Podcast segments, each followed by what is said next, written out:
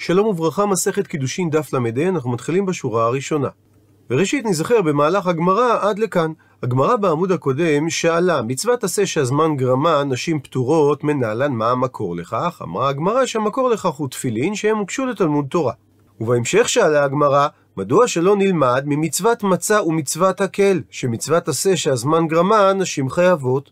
וענתה על כך הגמרא, מפני שמדובר על שני כתובים הבאים כאחד, והם לא מלמדים. וסיימה הגמרא בשאלה, למאן דאמר שני כתובים הבאים כאחד כן מלמדים? מדוע שלא נלמד ממצוות מצה והקל, שנשים חייבון גדולה ממצוות עשה שהזמן גרמה? ולפני שהגמרא ענתה על שאלה זו, היא המשיכה במהלך מקביל, שבעצם הסתיים באותה שאלה. וככה המשיכה הגמרא ושאלה, מה המקור לכך שמצוות עשה שלא הזמן גרמה, נשים חייבות? ענתה הגמרא שהמקור לכך הוא מורה הורים. ועל כך שאלה הגמרא, מדוע שלא נלמד ממצוות תלמוד תורה, שמצוות עשה שלא הזמן גרמה נשים חייבות? ענתה הגמרא, מפני שתלמוד תורה ופרייה ורבייה הם שני כתובים הבאים כאחד, שהם מצוות עשה שלא הזמן גרמה ונשים פטורות מהם, ולכן הם לא מלמדים. ושואלת הגמרא, ולרבי יוחנן בן ברוקה דאמר, על שניהם, דהיינו גם על הזכר וגם על הנקבה, הוא אומר את הציווי, נקרא בפנים, ויברך אותם אלוהים, ויאמר להם אלוהים, פרו ורבו מילאו את הארץ וכבשוה, ורדו בדגת הים ובעוף השמיים, ובכל חיה הרומסת על הארץ. הרי שלשיטתו, חיוב בפריאה ורבייה כתוב גם לגבי נשים. אז אם כך, מה איכא למימר? מה יש לומר ולתרס, מדוע שלא נלמד מתלמוד תורה שמצוות עשה שלא הזמן גרמה, נשים פטורות? שהרי כבר לא ניתן לומר שתלמוד תורה ופריאה ורבייה הם שני כתובים הבאים כאחד. מתרצת הגמרא שלשיטתו של רבי יוחנן בן ברוקה, משום דהבה, תלמוד תורה ופדיון הבן שני כתובים הבאים כאחד, וכל שני כתובים הבאים כאחד אין מלמדים. אבל מצד שני שואלת הגמרא, ולרבי יוחנן בן ברוקה, שאמר שאישה חייבת בפריאה ורבייה, נמי ניאבו פריאה ורבייה ומורה. נוצר מצב שיהיו גם שתי המצוות, פריאה ורבייה ומורה, שני כתובים הבאים כאחד, שהם מצוות עשה שלא הזמן גרמה ונשים חייבות בהם, ואם כך ואין מלמדין. מתרצת הגמרא שהם לא נחשבים לשני כתובים הבאים כאחד, מפני שצריכי, יש צריכות לומר כל אחת מהמצוות הללו, ואם התורה הייתה כותבת רק אחת מהם, לא ניתן היה ללמוד ממנה את המצווה השנייה שנשים חייבות בה. ומפרטת הגמרא, דאי כתב רחמנה, שאם התורה הייתה כותבת רק את מצוות מורה, שנשים חייבות בה, ולא כתב את מצוות פריאה ורבייה שנשים חייבות בה, הווה אמינא, אז הייתי חושב לומר, שמלשון הפסוק וכבשוה שאמר רחמנה שאמרה התורה לגבי מצוות פריאה ורבייה זה אומר שזה רלוונטי רק לגבי איש דדרכו לכבוש אז הוא אין אכן הוא שייך במצוות פריאה ורבייה שהרי הוא כובש את הארץ במלחמה. מה שאין כן אישה דאין דרכה לכבוש אולי היא לא שייכת בפריאה ורבייה ואז כיוון שלא שייך לקרוא לגבי האישה וכבשוה, אולי גם לא שייך לקרוא בה את החיוב של פרו ורבו, לכן הייתה צריכה התורה לומר שאישה חייבת בפריאה ורבייה. ומצד שני, והיא כתב שאישה חייבת בפריאה ורבייה, ולא כתב שאישה חייבת במורה, הווה אמינא, אז הייתי חושב לומר שהחיוב במורה הורים שייך רק לגבי האיש דסיפק בידו לעשות. שיש באפשרותו לכבד את אביו מפני שאין אימת אחרים עליו, ולכן לגביו אין, אכן יש את מצוות המורה. לעומת זאת, אישה דאין סיפק בידה לעשות. שהרי אישה נשואה רשות בעלה עליה, והוא יכול למנוע אותה מלכבד את הוריה, אז אולי היא לא חייבת במורה הורים. וכיוון שכך דאין סיפק בידה לעשות כאשר היא נשואה, אז אולי היא לא תתחייב כלל. במורה הורים, אפילו כאשר היא עדיין פנויה, ולכן צריכה. צריכה הייתה התורה לומר שאישה חייבת גם במורה הורים. אז נשלים את התרשים שהתחלנו איתו. לאחר ששאלה הגמרא בעמוד הקודם, מדוע שלא נלמד מתלמוד תורה, שזה מצוות עשה שלא הזמן גרמה, שנשים פטורות, ענתה הגמרא, מפני שתלמוד תורה ופריאה ורבייה, הם שני כתובים הבאים כאחד, הם מלמדים. שאלה הגמרא, הרי לשיטת רבי יוחנן בן ברוקה, שנשים חייבות במצוות פריאה ורבייה, אז מדוע שלא נלמד מתלמוד תורה שנשים פטורות במצוות עשה שלא הזמן גרמה? ענתה על כך הגמרא, מפני שתלמוד תורה ופדיון הבן הם שני כתובים הבאים כאחד ואין מלמדים. אבל המשיכה הגמרא ושאלה מצד שני, מצוות פריאה ורבייה ומצוות מורה הם שני כתובים הבאים כאחד, ששניהם מצוות עשה שלא הזמן גרמה ונשים חייבות בהם, ואם כך הם לא מלמדים. ותרצה הגמרא שזה לא נחשב לשני כתובים הבאים כאחד, מפני שיש צריכותא לומר כל אחת מהמצוות הללו. ועכשיו בעצם חוזרת הגמרא ושואלת, את אותה השאלה שהיא שאלה על המהלך הראשון. הניחא למאן דאמר, זה מסתדר רק לשיטת מי שאומר ששני כתובים הבאים כאחד אין מלמדים, אלא למאן דאמר, לפי מי שסובר ששני כתובים הבאים כאחד כן מלמדים, שלשיטתו, זה שהתורה הזכירה בשני דברים ספציפיים דין מסוים, זה עדיין לא אומר שהם יוצא דופן. כך שעדיין ניתן ללמוד מהם כלל מסוים. אז אם כך, מה איכא למימר? מדוע שלא נלמד מתלמוד תורה ופדיון הבן גם לגבי שאר מצוות עשה שלא הזמן גרמה שנשים פטורות. וכפי שאמרנו, בשלב הזה השאלה מתלכדת גם לגבי המהלך הקודם, על מצוות עשה שהזמן גרמה שנשים פטורות, מדוע שלא נלמד ממצב והקל שמצוות עשה שהזמן גרמה נשים חייבות. עונה על כך אמר רבא, שפפונאי, דהיינו, התלמידי חכמים שבעיר פפונה, יד אלי לטעמא דעה מילתא, הם יודעים את טעמו של דבר זה, ומענו, ומי הם תלמידי החכמים שבעיר פפונה? זה רווח בר יעקב, שהיה גר בעיר פפונה, כמו שאומרת הגמרא בבבא בתרא לגבי שטן ופנינה לשם שמיים נתכוונו, שזו דרשה שדרש רווח בר יעקב בעיר פפונה, ובעקבות כך בא השטן ונשק את רגליו. ואמר רווח בר יעקב, שאמר קרא, כתוב בפסוק, נקרא בפנים, והיה לך לאות על ידיך ולזיכרון בין עיניך, למען תהיה תורת אדוני בפיך, כי ביד חזקה הוציאך אדוני ממצרים. ומלשון הפסוק, למען תהיה תורת השם בפיך, הרי שהוגשה כל התורה כולה לתפילין, ולימוד בהיקש עדיף על פני לימוד של בניין אב, ולכן לא שייך להקשות ממצוות מצה והקל, שנלמד מהם את העיקרון לגבי חיוב נשים במצוות עשה שהזמן גרמה, וגם לא ממצוות תלמוד תורה ופדיון הבן, שנלמד מהם את הפטור של נשים למצוות עשה שלא הזמן גרמה. ומההיקש הזה נלמד, מה תפילין הם מצוות עשה שהזמן גרמה ונשים פטורות מהם, אף כל מצוות עשה שהזמן גרמה, נשים פטורות מהם.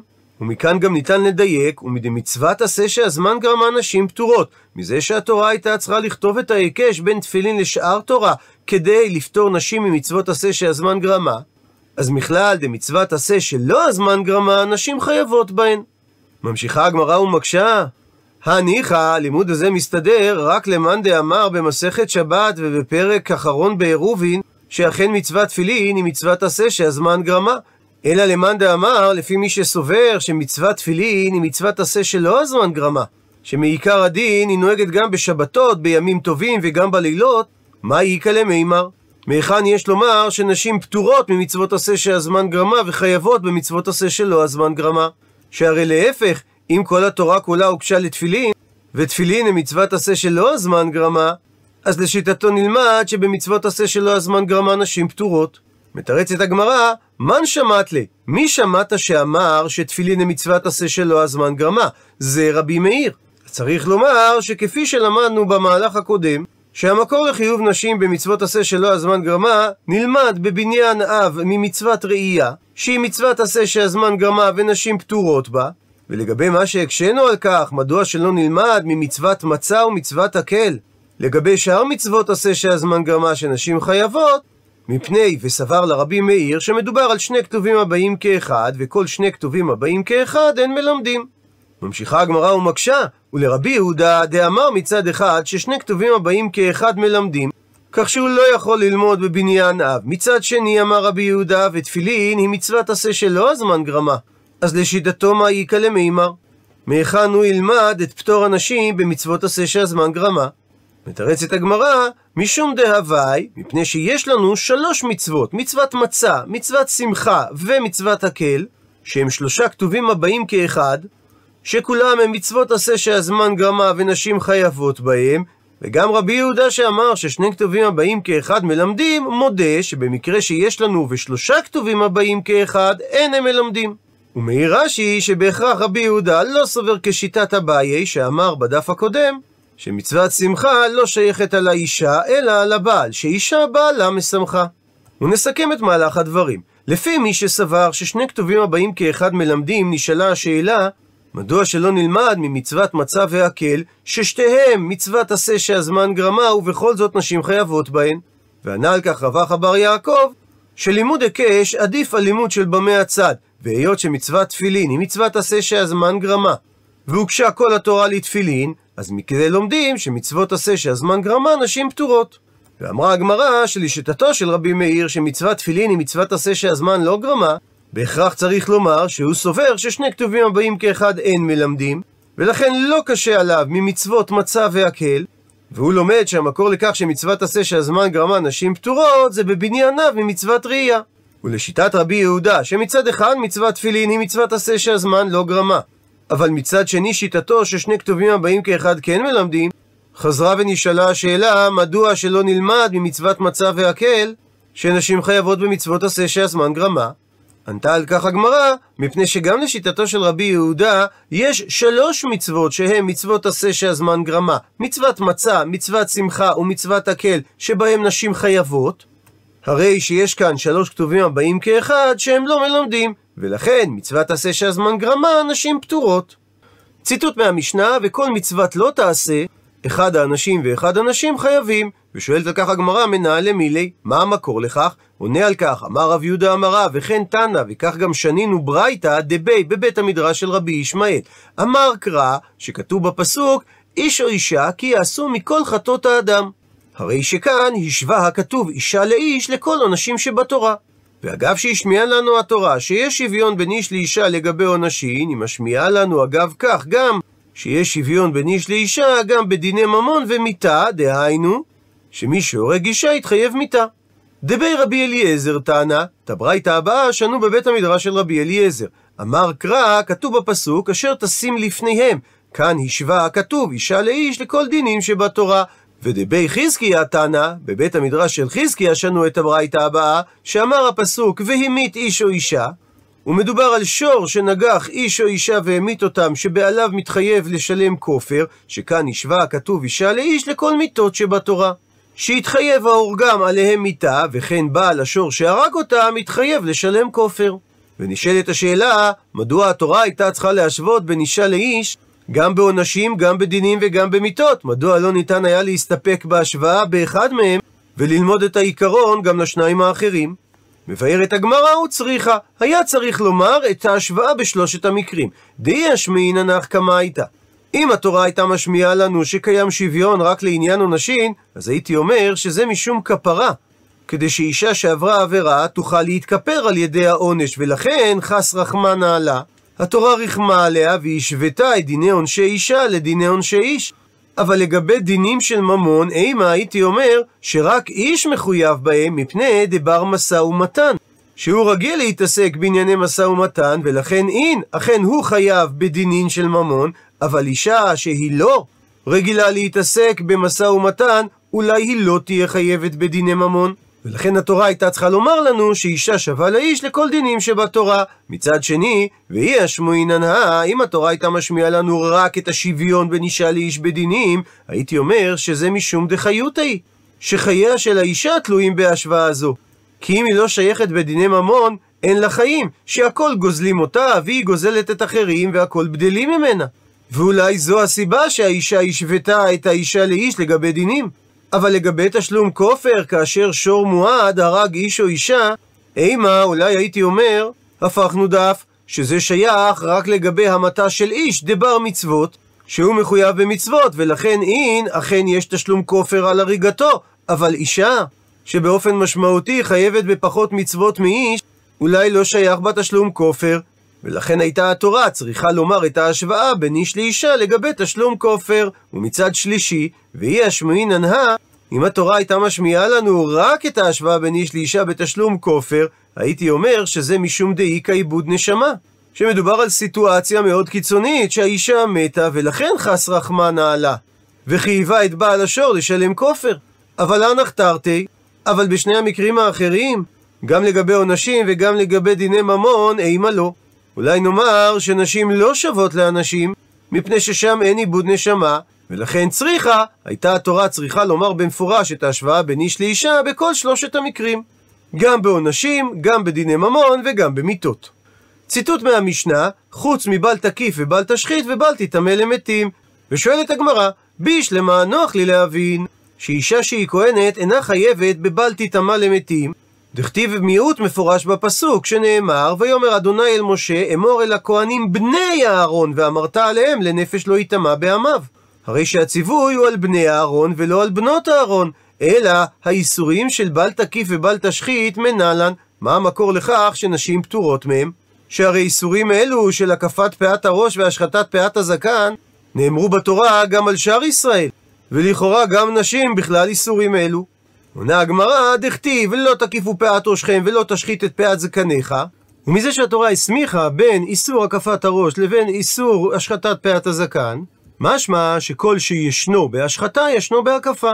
שכל מי שרלוונטי לגביו איסור השחטת הזקן, אז הוא ישנו גם באיסור הקפת הראש. הוא מסביר רש"י שאיסור הקפת הראש זה מי שמשווה את צדעיו לאחורי אוזנו ולפדחתו.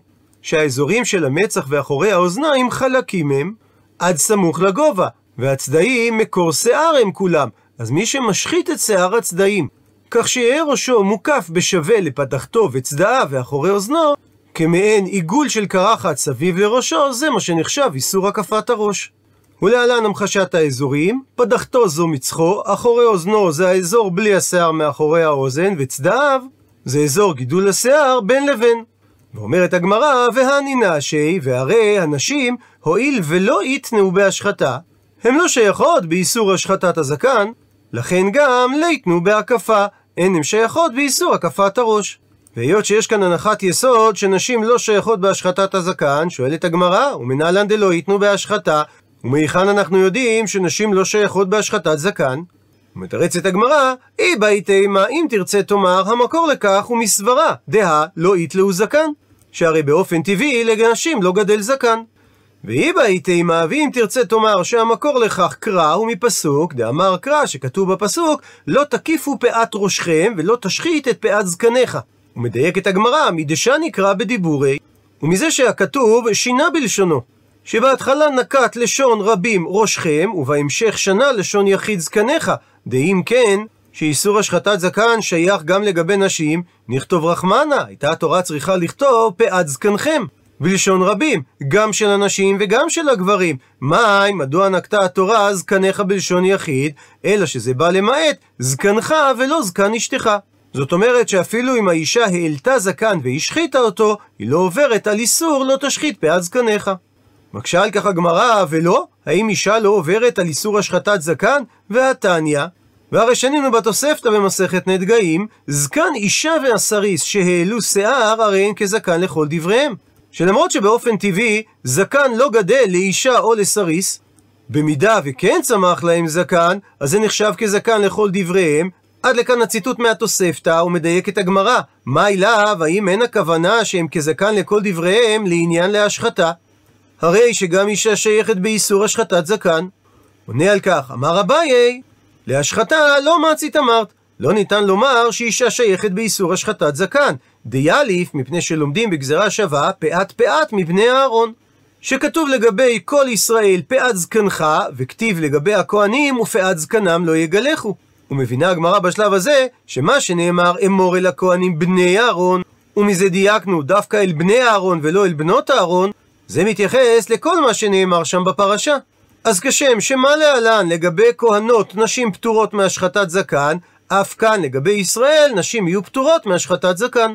ונראה את הדברים בתוך הפסוקים. לגבי הכהנים נאמר, ויאמר השם אל משה אמור אל הכהנים בני אהרון, ובהמשך נאמר, ופאת זקנם לא יגלחו. ומבינה הגמרא שהאיסור הזה רלוונטי רק לגבי בני אהרון ולא אל בנות אהרון, ולומדים גזירה שווה מהמילים פאת, שגם מה שנאמר לגבי כל ישראל ולא תשחית את פאת זקניך, מתייחס רק לגברים ולא לנשים. ולכן אומר אביי שלא ניתן להסביר את דברי התוספתא שזקן אישה והסריס הרי הם כזקן לכל דבריהם לעניין איסור השחתה. מקשה הגמרא על דברי אביי, והיא סבירה לן דכי כתב בני אהרון הכולי עניין הכתיב. אם כדברי אביי שהמיעוט בני אהרון ולא בנות אהרון מתייחס לכל מה שנאמר שם בפרשה, אז אם כך, נשתוקרא מיני, יכול היה הפסוק לשתוק ולא ללמד אותנו את הגזרה שווה של פאת פאת, ותהיתי בקל וחומר. והיה אפשר ללמוד למעט נשים ישראליות מאיסור השחטת זקן בקל וחומר מנשים כהנות. ואנא אמינא, וכך היינו אומרים את הקל וחומר. ומה הכהנים שריבה בהם הכתוב מצוות יתרות, יותר משאר ישראל, שאסור להם להיטמע למתים, והם לא יכולים לשאת נשים מסוימות. ובכל זאת, מי את הכתוב בני אהרון ולא בנות אהרון? אז ישראל, שחייבים בפחות מצוות מכהנים, לא כל שכן, שגם בהם איסור השחטת הזקן נאמר רק לגבי הגברים ולא לגבי הנשים. ואם כך, לימוד הגזרה שווה שאמר אביי, פאת פאת מבני אהרון מיותר. מתרצת הגמרא שלימוד הגזרה שווה לא מיותר, מפני שאי לאו לימוד הגזרה שווה, הווה אמינא, אז הייתי חושב לומר שהפסיק העניין.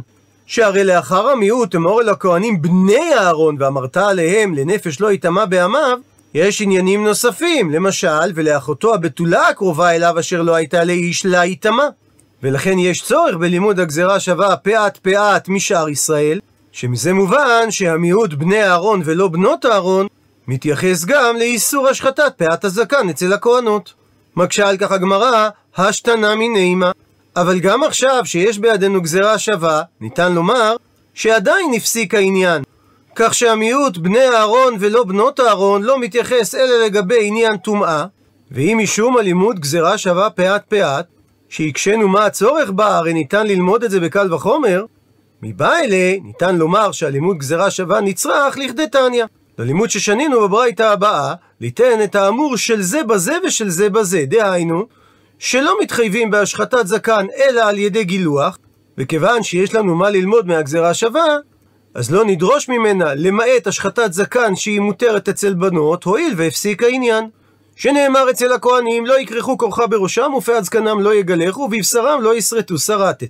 ומהמילים לא יגלחו משמע שכל גילוח אסור. אז יכול שאם הכהנים גילחו את זקנם במספריים, הוא יהיה חייב מלקות. תלמוד לומר, לגבי השחטת זקן אצל ישראל, לא תשחית פאת זקניך. שאיסור השחטת זקן זה דווקא על ידי השחטה, דהיינו בתר.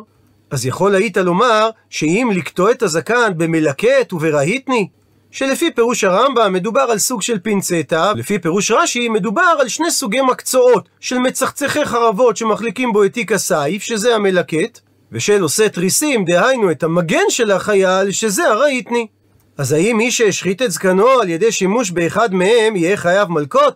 תלמוד לומר, בפסוק האמור אצל הכהנים לא יגלחו, שאין דרך גילוח בכך, ועל ידי הלימוד גזירה שווה, נלמד ליתן את האמור אצל הכהנים בישראל ואת האמור אצל ישראל בכהנים.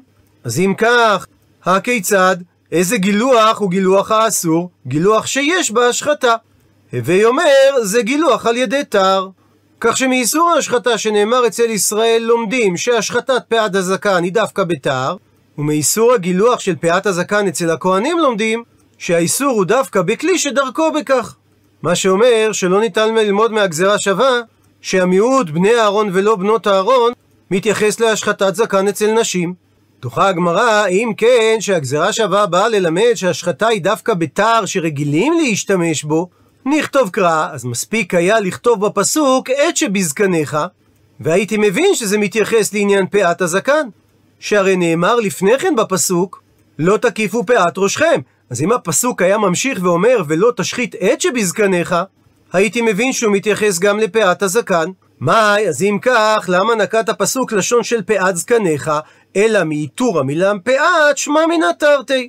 שלומדים את הגזרה השווה לשני העניינים האמורים, גם את אופן הגילוח האסור, שזה השחתה בתר על ידי כלי רגיל, וגם שהמיעוט בני אהרון ולא בנות אהרון מתייחס גם להשחתת הזקן. אז עד לכאן ראינו את דברי אביי שאמר שלא ניתן להסביר את דברי הברייתא שבזקן של אישה יש איסור השחתה. אבל הוא בעצם הסביר מה לא, הוא לא אמר מה כן, לכן שואלת הגמרא, ואלא עד איתניא, אז כיצד נסביר את דברי הברייתא, זקן האישה והסריס שהעלו שר, הרי אין כזקן לכל דבריהם, למה היא הלכתה? איזו הלכה התכוונה הברייתא ללמד? עונה על כך, אמר מר זוטרא, שזה בא ללמד לטומאת נגעים. מסביר רש"י, שסימני הצרת במקום שיער חלוקים מסימני הצרת באור הבשר, שבניגי אור בשר כתיב שיער לבן, ובסימני נתקי ראש וזקן כתוב שיער צהוב. ובאה הברייתא לומר, שאם העלתה אישה שיער בזקנה, אז סימני נגע הצרת באותו מקום הם כדין נתקי זקן. אבל מקשה הגמרא, לאיזה צורך אומרת את זה הברייתא? הרי טומאת נגעים בהדיא כתיבה, היא כתובה במפורש בפסוק, שנאמר, ואיש או אישה כי יהיה בו נגע בראש או בזקן. אלא אמר מר זוטרא שדברי הברייתא נצרכו לטהרת נגעים. שתיטהר האישה, היא תטען דין טהרת מצורע בתגלחת וציפורים. ממשיכה הגמרא ומקשה, אבל טהרת נגעים נמי פשיטא. גם זה דין פשוט שהברייתא לא הייתה צריכה לחדש אותו, שהרי כיוון דבת טומאה היא, אז ודאי שגם בת טהרה היא. שכיוון שאמרה התורה שהיא נטמעה על ידי נגע שבזקנה, אז ודאי נוהגים בה גם כל דיני הטהרה הרלוונטיים לעניין נגע בזקן. מתרצת הגמרא שאכן הברייתא באה לחדש שאישה שייכת בטומאת נגעים. כפי שאמר מר זוטר בהתחלה, והיא באה להשוות את סימני נתקי הזקן של האישה לסימני נתקי הזקן של האיש. ומה שהקשית, שהרי זה נכתב במפורש בפסוק, איצטריך, עדיין נצרך הדבר, מפני שסלקא דעתך אמינא, היה עולה על דעתך לומר, לצדדים כתיב. דהיינו שמה שנאמר בפסוק איש או אישה, זה מתייחס רק לתחילת הפסוק, כי יהיה בו נגע בראש. שאישה שייכת רק בנתקי הראש, ולא בנתקי הזקן, ומה שנאמר בהמשך הפסוק, אוב הזקן, הדר הטען לאיש. הפסוק מתייחס לנגעים שרלוונטיים לאיש, ולא לנגעים שרלוונטיים לאישה. לכן כמה השמלן בא התנא של הברייתא להשמיע לנו, שזקן של אישה ושל סריס, לעניין טומאת נגעים, הרי הם כזקן לכל דבריהם. וממשיכה הגמרא, שאומנם המשנה אמרה שיש שלוש מצוות לא תעשה שנשים פטורות מהם, אבל איסי, והכוונה לתנא איסי בן יהודה, תני, הוא שנה שיש איסור נוסף, אף בל יקרחו נשים פטורות, שלנשים מותר לעשות כורחה על המת בראשם. ושואלת הגמרא, מהי טעמא דאיסי? מה המקור לדבריו? עונה הגמרא דדרי שחי, שכך נאמר בפסוק, בנים אתם לאדוני אלוהיכם לא תתגודדו ולא תשימו כורחה בין עיניכם למת. כי עם קדוש אתה לאדוני אלוהיך, ובך בחר אדוני להיות לו לעם סגולה מכל העמים אשר על פני האדמה. הרי שמלשון הפסוק בנים ממעטים ולא בנות לכורחה. ודנה הגמרא, אתה אומר שנשים לא שייכות לכורחה, או אינו אלא שהן לא שייכות לגדידה, שזה האיסור לחתוך את הבשר מצער על המת. כשהוא אומר בפסוק הבא, כי עם קדוש אתה לשם אלוקיך, אז הרי איסור גדידה בנשים כבר אמור, שהרי אף הנשים בכלל המילה עם. אה, אז אם כך, מה אני מקיים את המיעוט בנים ולא בנות לכורחה? מקשה על כך הגמרא, ומה ראית לרבות את הגדידה שנשים אסורות בה ולהוציא את הכורחה שנשים מותרות בה?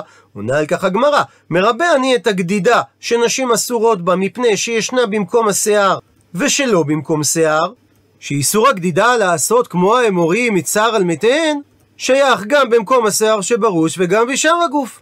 ומוציא אני את איסור הכורחה, שאינה רלוונטית אלא במקום שיער.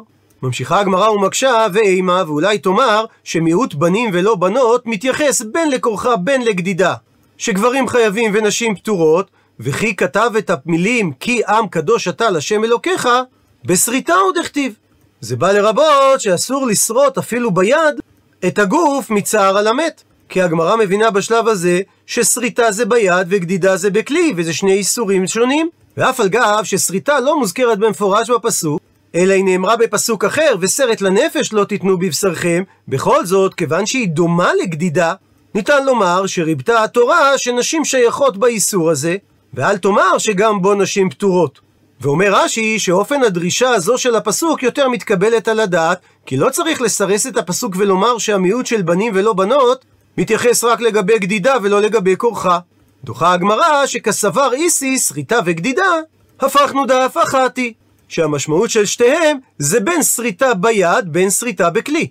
כך שאם המיעוט, בנים ולא בנות, מתייחס לאיסור גדידה, אז בהכרח שנשים נתמעטו גם מגדידה ביד. כך שלא ניתן ללמוד שמרבים מהמשך הפסוק כי עם קדוש אתה לשם אלוקיך שאישה כן שייכת בגדידה ביד. ולכן מובן מדוע איסי מיעט נשים מאיסור כורחה וריבה אותם לאיסור גדידה בין ביד בין בכלי. עד לכאן דף ל"ה.